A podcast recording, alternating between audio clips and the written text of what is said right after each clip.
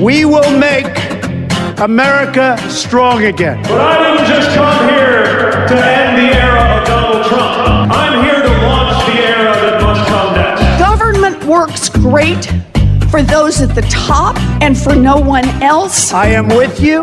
I will fight for you. And I will win for you. Goedendag en welkom bij de Holland-Amerika-lijn. Mijn naam is Victor Pak, fijn dat u luistert. In deze podcast van Elsevier Weekblad spreek ik om de week met onze Amerika-correspondent Emiel Kossen. Hallo Emiel en welkom. Dag Victor, hoe is het? Ja, goed. Ehm, ja, dit is de eerste aflevering van onze podcast. Uh, we gaan elkaar, is, als het goed gaat, uh, om de week even spreken. Um, we beginnen, is het idee, um, eerst met een beetje kort het nieuws um, over wat er deze week nu weer aan de hand is in Amerika. Dan gaan we uh, een groter onderwerp uitlichten. Dat is deze week, kan ik u vast vertellen, de koers van de Democratische Partij. Uh, waar gaan ze heen? Wie zijn de kanshebbers om, de, om hun kandidatuur te behalen? maar eerst dus dat korte nieuws. over impeachment gaan we hebben. En ik zag voor wij uh, gingen opnemen dat Nancy Pelosi die had een die bracht groot nieuws naar buiten. Um, een heel statement over dat Trump uh, de machten van zijn presidentschap misbruikt. Kan jij het een beetje uitleggen voor ons? Nou ja, we zitten nu natuurlijk um, op een punt dat we twee weken aan publieke verhoor hebben gehad in het congres. En um, de hoofdrolspelers in de Oekraïne-kwestie hebben daar uitgelegd wat er is gebeurd hoe er een, een, een soort tweede diplomatie werd opgezet door de Trump-regering om de Oekraïense president te beïnvloeden. En wat Nancy Pelosi nu doet is nieuwswaardig, maar tegelijkertijd zegt ze wat een hele hoop democraten al hebben gezegd, dat zij vinden dat Trump zijn uh, ambt heeft misbruikt. En uh, ja, we zitten nu in het deel van het, van het proces dat de democraten um, gaan bedenken waar ze Trump precies van willen beschuldigen. Uh, corruptie, omkoping, obstructie van de rechtsgang. Um, en vandaar dat Nancy Pelosi daar, daar vandaag wat over zei. Oké, maar ze, willen het wel snel afronden, want ze zijn dan wel aan het bedenken uh, uh, waar ze hem van gaan beschuldigen. Maar dat, dat willen ze nog voor de kerst klaar hebben, begreep ik, in het Huis van Afgevaardigden althans. Ja, het schema is een beetje onduidelijk. Um, aan het begin zeiden ze we willen het aan het eind van het jaar helemaal af hebben. Dat lijkt al niet meer haalbaar. Het lijkt op zijn hoogst haalbaar om een stemming te hebben in het Huis van Afgevaardigden rond kerst. En daarna moet het natuurlijk naar de Senaat. En dan wordt het echt interessant, want daar zijn de Republikeinen aan de macht. En um, ja, tot dusver zijn die, uh, houden die Trump, uh, verdedigen ze Trump. Ja, want het is misschien goed om even uit te leggen. Um, het Huis van Afgevaardigden doet nu al die verhoren van oud-ambassadeurs, geloof ik, en een hele hoop andere mensen. Die zijn als eerst aan zet en daarna gaat het naar de Senaat. Hoe, hoe zit dat precies? Nou, het idee van een impeachmentprocedure is dat het Huis van Afgevaardigden bepaalt um, wat de beschuldigingen zijn. En dat als daar een meerderheid voor stemt, voor bijvoorbeeld uh, een beschuldiging dat Trump Oekraïne heeft omgekocht om hulp te krijgen bij uh, zijn eigen politieke campagne, dan gaat die beschuldiging door naar de Senaat, waar een soort um, rechtszaak wordt gehouden. En als daar twee derde voor stemt, dan wordt een president daadwerkelijk afgezet. Oké, maar twee derde, dus eh, de Republikeinen zijn al in de meerderheid in de Senaat. Um, er zijn 100 man in de Senaat. Hoe, hoeveel hebben de Republikeinen er? 52 of zo? Een meerderheid, ja, meer dan 50. En er is er maar ja. eentje die, uh, die openlijk kritisch is over Trump. Dat is Mitt Romney. Ah ja. Voor de rest zijn de Republikeinen eensgezind. Uh, zeggen dat ze tegen impeachment zijn. En dus lijkt de kans dat Trump uiteindelijk wordt afgezet niet heel groot. Oké, okay, want, dat komt, want ze willen die Republikeinen in de Senaat die Trump uiteindelijk moeten veroordelen in, in die soort van rechtszaak. Die, dat gaat nooit een tweede, derde meerderheid opleveren dus. Zoals het nu lijkt is dat zo. Uh, publieke opinie speelt een hele grote rol hier. En ook die blijft... Um, ja, het, het, is gewoon heel erg verdeeld in twee kampen. De helft is voor, de helft is tegen, min of meer. En van, dat van de Amerikanen, zeg maar. de Republikeinse senatoren uh, zich genoodzaakt voelen uh, ja, van kamp te wisselen. Ja, die is niet zo groot. Oké, okay, dus en de, het Amerikaanse publiek is zeg maar 50-50 gesplitst? Ja, het is, um, het is vooral als je kijkt naar de staten waar het om draait, swing states, uh, staten waar die Republikeinse senatoren uitkomen. Ja, dan zijn er gewoon veel mensen die, die impeachment afdoen als, um, ja, als een onzinnige zaak. Uh, terwijl in, in, in steden als New York en Washington zijn, laten de peilingen iets heel anders zien. Dan zijn ze juist heel erg voor impeachment. Maar daar draait het in dit geval minder om. Oké, ja, eigenlijk een beetje het klassieke beeld dat we van Amerika kennen de afgelopen jaren. Uh, kust, kuststaten die zijn tegen Trump en het binnenland die, uh, die mag hem eigenlijk wel. Um, maar ja, volgend jaar, dat, dat wordt het grote ding natuurlijk, is het verkiezingsjaar 2020. De kandidaat van de Republikeinen die is wel bekend, de huidige president Donald Trump. Maar de Democraten zijn ook druk bezig met het zoeken wie, wie zij het willen laten opnemen tegen Trump. Um, deze week was er wel, wel groot nieuws. Uh, Kamala Harris, senator uit California, die uh, gaf er de brui aan. Uh, ik was er toch wel door verrast. was jij dat ook? Ergens wel. Um, toen ze aan het begin van dit jaar kandidatuur aankondigde, um, was dat met veel bombarie. wat je zegt, senator uit Californië, talentvol, goed spreker, goed op het debatpodium. En ja, ze begon eigenlijk heel erg goed. Uh, steek snel in de peilingen. Maar na die eerste paar maanden, na die honeymoon, uh, ja, is de campagne eigenlijk een beetje uh, uitgefuzzeld, zeggen ze hier in Amerika. Niemand wist precies waar ze nou waar ze voor stond. En um, ja, afgelopen week bleek dat er geen geld meer was. En dus wordt de campagne opgeschort. Nog twee maanden voordat er überhaupt een stem in de voorverkiezing is uitgebracht. Ja, dat, dat toch wel opvallend. Want ik zag, zij had uh, de grootste campagneaftrap, geloof ik, van alle democratische kandidaten.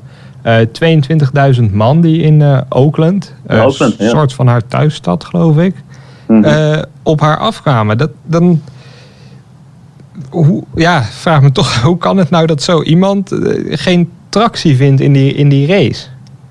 De vraag is natuurlijk in hoeverre dat zo is. Uh, we hebben peilingen om naar te kijken. Daar is het niet super goed in, ook niet super slecht. Een beetje uh, middle of the pack. Uh, ze deed slecht qua, qua inkomsten. donaties die vielen tegen. Um, en dan is de vraag, hoe komt dat? Is dat om, om, om haar kandidatuur? Of is dat omdat haar campagne bijvoorbeeld niet goed wordt gevoerd? dat is een geluid dat je nu van mensen hoort die uit die campagne komen. Dus daar zou ook wel er ook een keer van waarheid in kunnen zitten. Oké, want ja, eerst even over die, die campagne. Want ik zag afgelopen vrijdag al. Um, uh, zowel de Washington Post en de New York Times. Nou ja, dan weet je het volgens mij wel dat het echt, uh, echt klopt.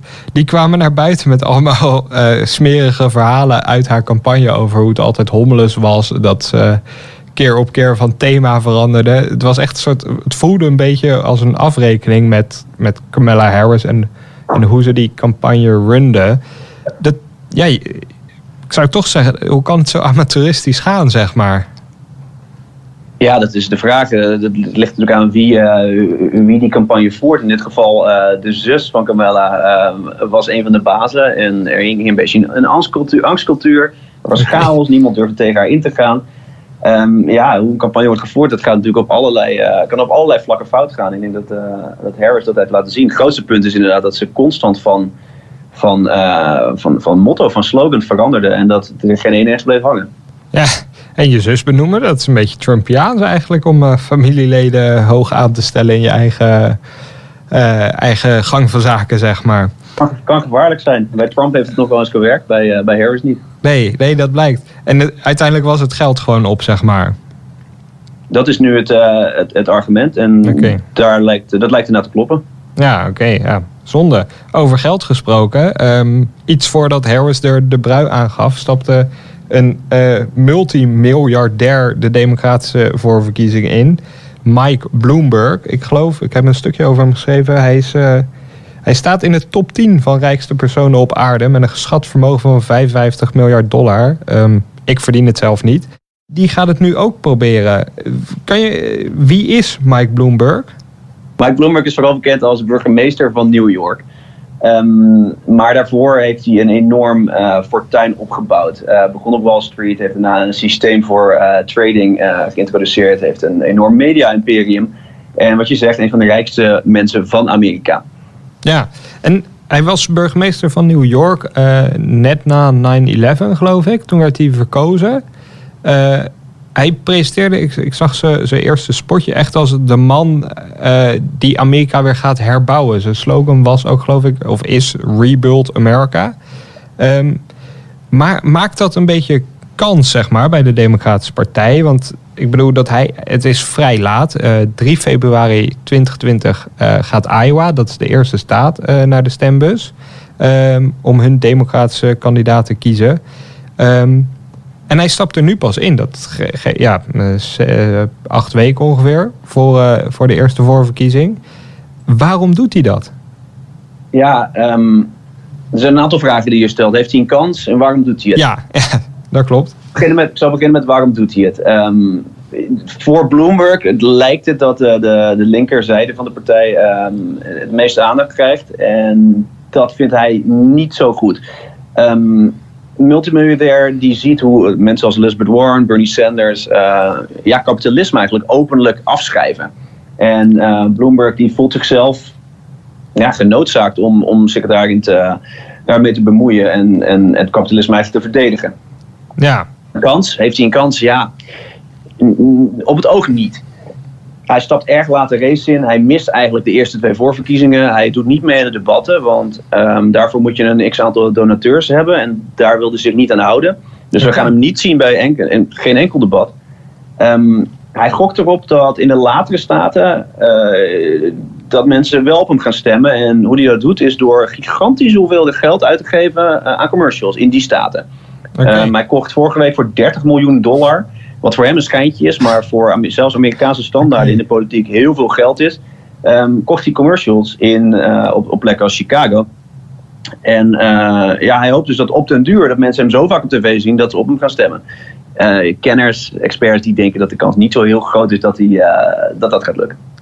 Nee, ja, dat is ook wel ongekend eigenlijk. Want eigenlijk, het, hij, hij slaat, he- of hij maakt gewoon geen gebruik van het traditionele politieke eh, spelboek zoals er, zoals er ligt eigenlijk. Want ik, ik wist niet eens dat hij niet mee ging doen in Iowa en New Hampshire. Dat, is, eh, dat, dat zijn altijd de staten waar alles om draait, zeg maar. Kamala Harris, die er dus uitstapt, zij had alles ingezet op, op Iowa op een gegeven moment. Ehm, maar Bloomberg zegt, interesseert me niet. Ik leg 30 miljoen neer voor een paar eh, tv-spotjes en dan komt het volk vanzelf naar mij toe. Dat is wel een interessante opvatting. De week. 30 miljoen is de eerste week. Dus In een week? dat is nog een voorproefje. Eh, Oké. wat er de komende maanden gaat komen, ja, we weten het niet. En eh, dat die Iowa overslaat is, is ergens wel, wel logisch, want daar moet je, dat is een caucus, daar moeten mensen daadwerkelijk voor jou campagne gaan voeren. In een kerk, in een, eh, in een gymzaal. En dan moet je openlijk moet je, je stem uitbrengen. Ehm, ja, dat, dat kost tijd. Vandaar dat de mensen ook al een jaar bezig zijn om in Iowa een, eh, een aanhang te creëren. En eh, dat kan Bloomberg niet in een paar weken. Ja. Ja, oké. En Maar hij is, hij is er dus inge- ingestapt omdat hij toch zag dat, dat de koers van de partij, die, die stond hem eigenlijk niet aan. Ik denk dat hij kandidaat als Joe Biden prima kan, eh, kan supporten. Maar ja, die sneeuwen een beetje onder bij, eh, bij wat eh, Bernie Sanders en Elizabeth Warren te bieden hebben. Want wat hebben die te bieden dan? Een voor Amerika zeer linkse koers. Eh, dan kan je denken aan ehm, een economisch linkse koers. Dat is vooral Bernie Sanders. Eh, een, een, een zorgverzekeringsstelsel daar, waar de, de markt geen rol meer speelt. Eh, veel hogere belastingen. ehm, gratis onderwijs. Dat soort zaken. En ook sociaal gezien. eh, we hebben veel meer aandacht. eh, dus veel meer aandacht bij de Democraten over. Zeg dingen als slavernijbetalingen. Zeg dingen als transgenderrechten. de zaken waar. Nou, zeg tien jaar geleden eigenlijk amper over werd gesproken. Dat is nu bonton binnen de Democratische Partij. Oké. Dat, dat, maar dat zijn toch niet de onderwerpen waar je de Trump-stemmer mee gaat overtuigen op jezelf te stemmen. Zeg maar op, op jou als kandidaat te laten stemmen. Ik bedoel, eh, Trump moet daar allemaal niks van hebben, denk ik. En die is met andere dingen bezig. Die wil het, gok ik, hebben over de goede economie van, van Amerika. Want het, het groeit nog steeds. Ehm, dan maak je jezelf toch niet echt populair met slavernijbetalingen of, eh, eh, of hogere belastingen voor, voor de Amerikaan. Ja, dat is lastig, lastig te zien. Eh, Er zijn plannen zoals slavernijbetalingen waar een groot deel van Amerika over zegt dat moeten we niet doen. Ehm, dat, komt, dat zijn vooral pogingen om, om kleine groepen kiezers te trekken. In dit geval Afro-Amerikanen. Die zijn misschien daar positiever over. Ehm, maar over het algemeen, hogere belasting, dat wil niemand horen. En toch zijn er plannen zoals gratis onderwijs, gratis eh, zorgverzekering. Dat zijn dingen die Amerikanen natuurlijk wel aanspreken. En dan gaat het niet over de Trump-stemmers per se. Ik denk dat het eerder gaat over eh, linkse kiezers die misschien bij de verkiezingen eh, in 2016 niet kwamen opdagen. Dus dan, dan ga je eigenlijk in op de polarisatie die er al in Amerika is. Trump die, die double down op zijn eigen rechtse kiezers, op de mensen in het vergeten, het vergeten industrieland. Ja. Terwijl uh, iemand als Bernie Sanders die probeert nieuwe mensen te werven om, uh, om voor zijn linkse revolutie te stemmen. En, wat acht jij dan het, het meest kansrijk, zeg maar? Ik, ik ben, ja, misschien ben ik dan zelf zo'n heel, heel uh, gemiddeld persoon, maar ik zou denken dat je in het, in het midden, daar zit het meest of zo. Nou ja, Barack Obama zei dat ook een paar weken geleden. Hij zegt niet zoveel na die president af is. Maar een paar weken geleden zei hij tijdens een speech dat um, de Democratische Partij moet oppassen dat ze niet te ver naar links gaan. Want uh, ja, dan raak je, dan raak je de, de, de, kiezers in het midden inderdaad kwijt. Als er geen één partij is die voor die kiezers in het midden gaat, uh, en ze gaan allebei naar, uh, ja, naar de radicalen toe. naar de flanken, ja.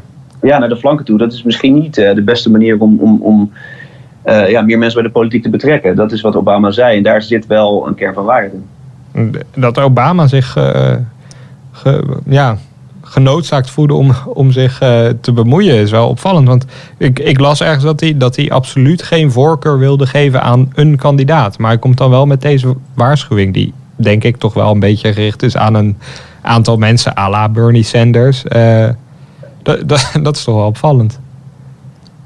Ja, dat heeft hij inderdaad nog niet, uh, niet veel vaker gedaan. je zou natuurlijk kunnen zeggen, als je kijkt naar Obama, dat hij een kandidaat als Joe Biden, zijn eigen vicepresident, uh, dat hij die natuurlijk steunt en dat hij daar veel meer mee heeft dan, dan met iemand als Bernie Sanders. Maar officieel geeft hij geen, uh, geen voorkeur en dat gaat hij pas doen als, als er één democratische kandidaat is tegen Trump. Oké, okay. dus hij, hij wacht het hele, de hele voorverkiezing af? Dat is wel de verwachting, ja. Stel nou Bernie Sanders wordt de gedoodverfde democraat. Zou die dan niet uh, zijn vingertje opheffen en zeggen... jongens, willen we niet nog vier jaar Trump... dan raad ik aan iets, iemand anders te kiezen? Of denk je dat hij dan ook voor Bernie Sanders campagne gaat voeren? Um, dan is hij misschien, dat is natuurlijk uh, koffiedik kijken... maar dan, dan zou hij publiekelijk denk ik niet zoveel kritiek op Bernie Sanders... Uh, uiten. Maar dan, geeft hij wel, dan, dan voert hij minder campagne bijvoorbeeld. Terwijl als Joe Biden het zou worden, dan, dan zie je Barack Obama veel vaker de komende maanden. Ja, oké. En is die, in, die, die drang om naar links te trekken in de partij, of in ieder geval dan publiekelijk, um, waar wordt die door ingegeven eigenlijk? Ja, er zijn een aantal dingen die, die daar spelen. Ten eerste zou je kunnen zeggen dat het een reactie op Trump is. Um, in de ogen van, van veel uh, Warren supporters, Sanders supporters, is er heel veel mis met nationalistische rechts. Dat ze gaan overcompenseren en met grote linkse doelen komen. Zoals uh, gratis onderwijs voor iedereen, wat heel aardig klinkt, maar uh, praktisch gezien heel lastig te bereiken is in een land dat zo'n lak heeft aan, aan belasting, aan een progressief belastingssysteem. Um, dat is één zijde, dus de, de, de afkeer van Trump de andere kant is er onvrede over wat de Democraten onder de Obama-jaren eigenlijk hebben bereikt. Ze vinden dat er te weinig is veranderd, dat er veel te veel compromissen zijn gesloten. En um, ja, dat het eigenlijk tijd is voor echte verandering. Oké, okay, het moet dus radicaler. Want op zich, Obama heeft toch wel ja, wat dingen bereikt. Of, of zie ik dat verkeerd? In de ogen van veel Amerikanen um, was Obama een prima president. Aan de rechterzijde zagen ze hem als een, uh, een Keniaan. En aan de linker linkerzijde zagen ze hem als een, uh, ja, als een slappeling eigenlijk. Um, voor een stuk in, uh, in het weekblad sprak ik met, met vrijwilligers van de Bernie Sanders campagne. En ja, die zeiden eigenlijk dat Barack Obama hun heel erg had, had teleurgesteld. Ze hadden wel op hem gestemd. Zelfs nog op Hillary Clinton gestemd in 2016. Maar ja, na al dat, dat, dat, dat dat politieke, al die, al die compromissen zijn, waren ze eigenlijk wel klaar mee. En eentje vertelde me dat hij liever heeft dat uh, Trump nog vier jaar lang aan de macht is dan dat Joe Biden bijvoorbeeld aan de macht komt. Want met iemand als Biden verandert er dan weer bijna niks. Dat is althans zijn argument. En dat geeft wel een interessant inkijkje in hoe ja, deze kiezers, deze zeer linkse kiezers, over de race denken. Oké. Die, die, kiezen dus nog liever vier jaar Trump, wat ze al helemaal verschrikkelijk vinden, dan dat ze denken, nou, Biden, dat is iemand van onze partij, die kunnen nog beïnvloeden of zo. Uh, Dit zijn natuurlijk wel de, de revolutionairen binnen de partij. Uh, deze mensen spreken elkaar ook aan met uh, hallo kameraad uit, okay. uit het communistische draaiboek. Dus ja, dat, dat argument gaat dan wat verder van vier jaar, vier jaar nog slechter beleid met Trump in hun ogen zorgt er dan voor dat de revolutie echt uh, plaats kan vinden. Of dat dan met Bernie Sanders is, het een vraag, want die is dan midden 80. Maar dan in, in, is in ieder geval de bodem ervoor gelegd. Dat is hun, hun argument. Maar dat, ja, interessant, I guess. Um, die partij, die, die, of die, niet die partij, die, die groepering in de partij heeft natuurlijk wel nu belangrijke kopstuk, of ja, kop, één kopstuk vooral denk ik. Uh, Alexander, Alexandra Ocasio-Cortez. Zij, zij behoort toch tot die, die groep? Dat zijn volgens mij de Democratic Socialists of America? Ja, en zij is uh, het meest media's unieke van, uh, van het stel. Oké. En die, die zijn met ze, zij, want die, zij is verkozen in het Amerikaanse Huis van Afgevaardigden afgelopen, of vorig jaar december. Um, en met, met z'n hoeveel zijn die eigenlijk? Is dat, hoe groot is die beweging, die, die Socialist for America? Nou, in het huis zijn er een, een handje vol van. Um, ehm, EOC trekt op met, met drie uh, ideologische uh, partijgenoten. De, squad noemen ze zichzelf. In de Senaat is er misschien maar eentje, Bernie Sanders zelf. En dat geeft je ook wel te denken. We hebben er heel veel over deze linkse, deze linkse zijde. En ze lijken ook echt steeds meer invloed te hebben op, op, de boodschappen van de partij. Maar als je echt kijkt naar hoeveel politie er op dit moment bij die groep horen, ja, dat zijn eigenlijk niet zoveel. Nee, eigenlijk dus in de, in de voorverkiezing, waar het uiteindelijk natuurlijk om gaat volgend jaar, is er dus eentje, Bernie Sanders. Elizabeth Warren zit er dichtbij. Um, maar daarbij moet worden gezegd dat dat ook een beetje een strategie is. Um, het is bekend dat bij de voorverkiezingen van beide partijen um, de meer uh, ideologisch ingestelde kiezers komen opdraven. Dus in dit geval in Iowa en New Hampshire komen linksere kiezers dan in november als, de, als de, de algemene verkiezingen zijn. Dus dat verklaart waarom Warren op bepaalde plannen uh, nu, nu zeer links uit de hoek komt. Misschien ja, trekt ze, zich, trekt ze een beetje naar het midden toe, mocht ze de nominatie winnen bijvoorbeeld. Bij Bernie Sanders is dat anders. Die, is, die, is, ja, die is de democratische socialist van Amerika al, uh, al tig jaar. Ja, oké. Er zijn, ik neem aan dat er mensen zijn die zich ook wel zorgen over maken. Sterker nog, uh, in dat stuk, uh, dat zetten we trouwens in de show notes. Dan heeft u een linkje om het te, te lezen. Um, in, in, in, dat stuk sprak je ook met, met een voormalig senator, toch? Die zich eigenlijk wel grote zorgen maakte over de koers van wat ook zijn partij is. Joe Donnelly, ja, uit Indiana. Ja, die, kwam, die kwam uit Indiana, die was senator. Dat is hij nu niet meer, hè? Nee, Indiana is een, uh, een, een, een, redelijk rechtse staat, conservatieve staat. En toch wist Joe Donnelly daar um, als democraat uh, een plek in de Senaat te krijgen. En dat deed hij door zich enigszins rechts op te stellen, bijvoorbeeld op het vlak van, uh, van abortus. En dat ging goed in de Obama-jaren, maar um, tegenwoordig is dat lastig om, om dat punt te verdedigen binnen je eigen partij. Dus hij kreeg heel veel kritiek van mensen als EOC over het feit dat hij, dat hij uh, kritisch was op abortus, bijvoorbeeld. Um, uiteindelijk verloor hij bij de afgelopen tussentijdsverkiezingen van een, een Trump-achtige republikein. En hij, hij wijt dat deels aan het feit dat zijn partij steeds verder naar links gaat. En dat het moeilijk was voor hem om, om die punten te verdedigen in de staat als Indiana. Oké. Ja, die man zit nu eigenlijk een beetje ja, tussen, tussen twee vuren in. Want hij, hij zit nu zonder baan ook. Hij zit zonder baan. Um, hij zit een beetje in het midden van het spectrum. Ja. ja, wat hij zegt is wel interessant. Hij zegt, als deze Democratische Partij alleen maar stemmen trekt in New York of in Californië, ja, dan, dan gaan we geen presidentiële verkiezingen winnen. Dus uh, daar moeten ze mee oppassen. Dat is zijn, uh, zijn argument. Het lijkt een beetje wat Barack Obama zei. Ja, ja eigenlijk wel, ja. Ja, ja dat, dat, dat gaat nog wat worden eigenlijk. Um, de, ja, de komende weken eigenlijk. Want over twee weken is er ook een debat dan, uh, um, volgens mij, van de Democraten, toch? Het volgende debat, het zoveelste debat Um, zes mensen hebben zich nu uh, tot dusver uh, gekwalificeerd. Ze zijn allemaal blank. Ja, dat zag ik ook. Dat was wel, daar was ook wel echt kritiek op volgens mij. Vooral vanuit de extra echte linkshoek van de partij. Ja, ja, ja, ja. Op zich ook wel begrijpelijk, toch? Want ik bedoel, de Democraten presenteren zich altijd als een heel diverse partij. Dat zijn ze in principe ook. Er waren heel veel vrouwen verkozen afgelopen uh, verkiezingen voor het Huis van Afgevaardigden. Maar dan heb je nu dus de topkandidaten zijn allemaal blank en volgens mij voornamelijk man en ook vrij oud. Dat, ja, dat is toch verwonderlijk. Dat is op zich verwonderlijk. Um, dat heeft te maken met uh, de regels die de partij heeft ingesteld voor die debatten. Want laten we wel wezen, er zijn nog steeds twintig kandidaten die meedoen aan deze verkiezingen. Aan de voorverkiezing bij de Democraten. Ehm, zes staan maar op het debatpodium. En dat komt omdat ze donateurs moeten hebben, omdat ze uh, allerlei peilingen goed moeten scoren. En ehm, ja, tegelijkertijd is het natuurlijk wel waar dat het vreemd is dat dat allemaal mannen zijn. Dat, behalve Elizabeth Warren, dat ze allemaal boven de 70 zijn. Uh, maar die dingen hangen natuurlijk wel een beetje met elkaar samen. Ja, maar dat, ja, ik vind het echt wel opvallend. Want na, volgens mij naast Warren heb je ook Amy Klobuchar. Ja. Um, ja, ook een relatief onbekende senator die dan wel op het podium staat. Maar voor de rest dus oude mannen en of vrouwen volgens mij. Terwijl iemand als Cory Booker, dat is een, een burgemeester, een voormalig burgemeester, nu een, een senator namens New Jersey. Ook, ook hij haalt die drempel niet. Dat vind ik, ja, ik, mij viel het wel op. Uh, dat is natuurlijk een beetje insider dit. Maar dat zo'n kandidaat die volgens sommigen ooit uh, Obama 2.0 zou zijn, dat die al niet, uh, niet genoeg mensen krijgt om, om op dat podium te mogen. Dat, ja. ja, en tegelijkertijd, um, het, het goede aan die regels is dat je dus volgens mij 250.000 donateurs moet hebben.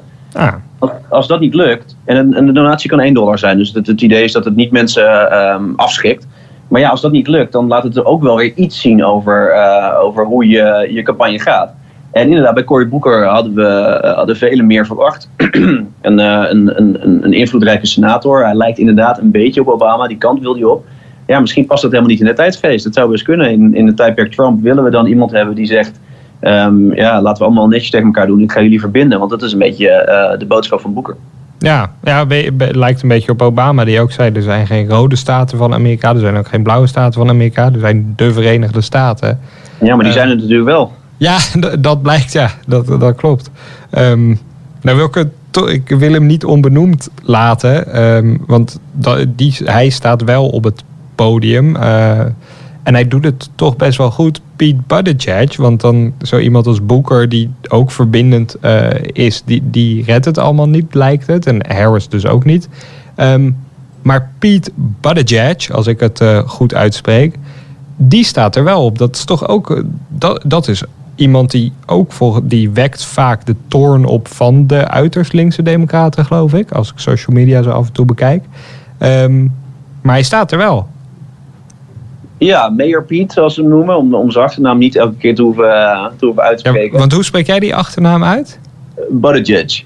Maar iedereen spreekt het okay. net weer anders uit. Dus okay. hij, uh, hij, maakt zelf al de grap op tv dat, dat, dat mensen hem maar Mayor Piet moeten noemen. Oké, okay. Mayor Piet dan. Ik hem hier, ook, toen ik hem hier ontmoette in, in Washington, zei hij ook: noem maar gewoon Mayor Piet. Mayor is makkelijker. Oké. hij, hij, hij, is eigenlijk de, hij is eigenlijk de verrassing van het veld. Um, een jonge man, 37.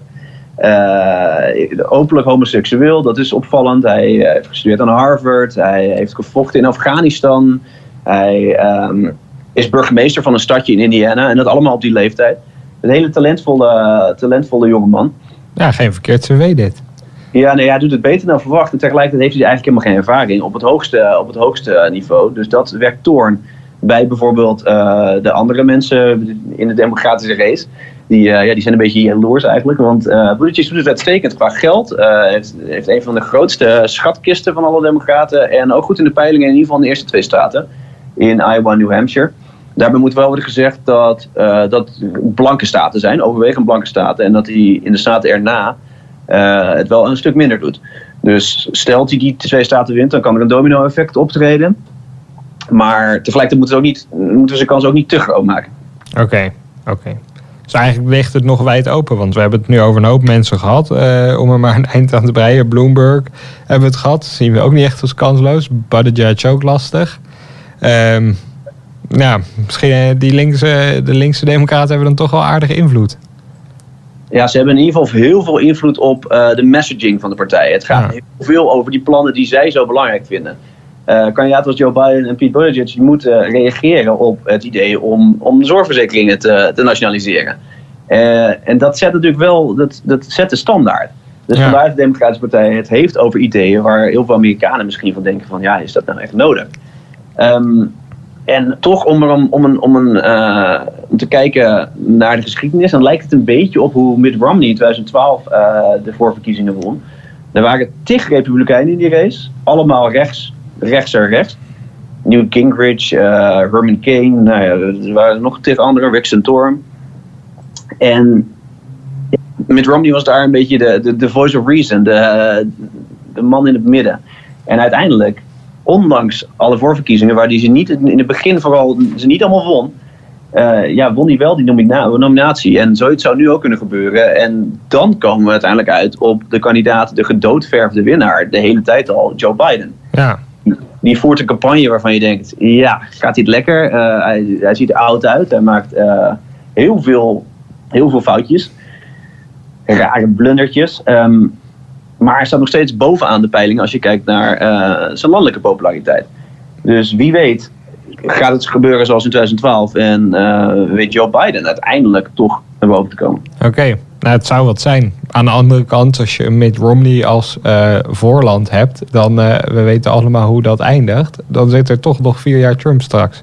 Ehm, maar dat gaan, we die, dat gaan we zien dan. En over messaging, wat je net zo mooi zei. ehm, we gaan het ook iedere week heel even hebben over eh, de messaging van de president. En dat doen we zo.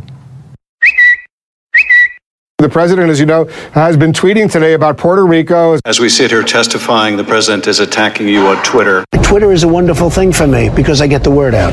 Ja, Twitter en de president. Ehm, Trump is er gek op. Eh, hij doet het geregeld. Ehm, vanaf ongeveer 6 uur s ochtends, 12 uur Nederlandse tijd, dan eh, begint de tijdlijn van de president vol te stromen. Iedere keer dat wij elkaar spreken, Emiel, dan gaan we een tweetje doornemen. Ehm, wil jij hem voorlezen of zal ik het doen? Nee, ik, eh, ik doe het wel. Dat is goed. Het gaat over Mike Bloomberg. Die noemt hij Mini Mike Bloomberg. Has instructed his third-rate news organization not to investigate him or any Democrat, but only to go after President Trump. The failing New York Times thinks that's okay. It's not okay. Ja, tweet eh, president Trump eh, deze week. Ehm, daarmee gaat hij in op het, eh, op het bericht van de hoofdredactie van Bloomberg News. Dat is het, het mediabedrijf van Mike Bloomberg. En de hoofdredactie die gaf aan dat ze, omdat Mike Bloomberg nu meedoet aan de verkiezingen, dat zij Mike Bloomberg en de Democraten niet meer gaan onderzoeken in hun journalistieke werk. Tegelijkertijd gaan ze wel stukken schrijven over Trump. ja dat, dat is ook wel een, een verdraaid lastig besluit. Ik weet niet of ik er dan... Ja, als journalist lijkt me dat verschrikkelijk dat dat, dat gebeurt. Want die, dat Bloomberg News, dat is eh, echt een heel bekend en ook goed en betrouwbaar eh, medium. Ze geven ook Bloomberg Business Week uit, geloof ik. Ehm, dat, dat wordt nu hierdoor gedwongen, maar de hoofdredactie heeft daar zelf voor gekozen. Ik neem aan dat die onafhankelijk zijn van Mike Bloomberg. Dat zou je aannemen, ja. Maar een bericht als dit ehm werkt dus schijn dat ze helemaal niet onafhankelijk zijn. Nee. Ja. Het is natuurlijk een lastig besluit, want het is hun baas, die, eh, uiteindelijk hun baas, die, eh, die meedoet aan de race voor presidentschap. Maar daarna maakt ze ook bekend dat ze geen enkele andere democraat meer kritisch gaan, gaan bekijken. En dat is natuurlijk eigenlijk. Veel journalisten denken dat dit een, een slechte stap is. Dit is, niet, dit is geen persvrijheid, dit is geen objectiviteit. En ehm, ja, Trump was het daar dus eigenlijk mee eens. Die heeft gereageerd, zijn campagne heeft gereageerd. Eh, Bloomberg-journalisten mogen vanaf nu niet meer naar Trumps campagne-evenementen. Ja, en daar heeft de New York Times weer op gereageerd. Waarom, eh, dat, vandaar dat Trump het in zijn tweet, eh, in zijn tweet stopte. Eh, New York Times was daar weer kritisch op. Die zei dat is weer geen persvrijheid. Dus ja, dat ene, die ene memo van, van Bloomberg, van de hoofdredactie, die heeft tot een hele fete geleid. Ja, wel opvallend, want ik zag volg, ik dacht dat het ook journalisten van de New York Times waren die wel die, die, die fel waren op dat, op dat eerste besluit van Bloomberg om, om eh, geen onderzoek meer te doen naar Bloomberg zelf of andere democraten. Die vonden dat ook onzinnig. Ehm, maar die, wa ja, die waren het dan ook weer natuurlijk niet eens met, eh, met Trump, die, eh, eh, die Bloomberg dan weert. Ergens kan ik het nog wel begrijpen van Trump eigenlijk of zo. Het voelt een beetje als vals spelen, maar ja. Nou ja, als je weet hoe, hoe vaak Trump eh, gebruik maakt van de term eh, fake news. Ja. En ehm, ja, dit soort gevallen die bevestigen zijn vooroordelen. En dat Ja. is natuurlijk heel kwalijk. Trump heeft een punt met, met zijn kritiek dat de media overwegend links is en overwegend tegen hem is.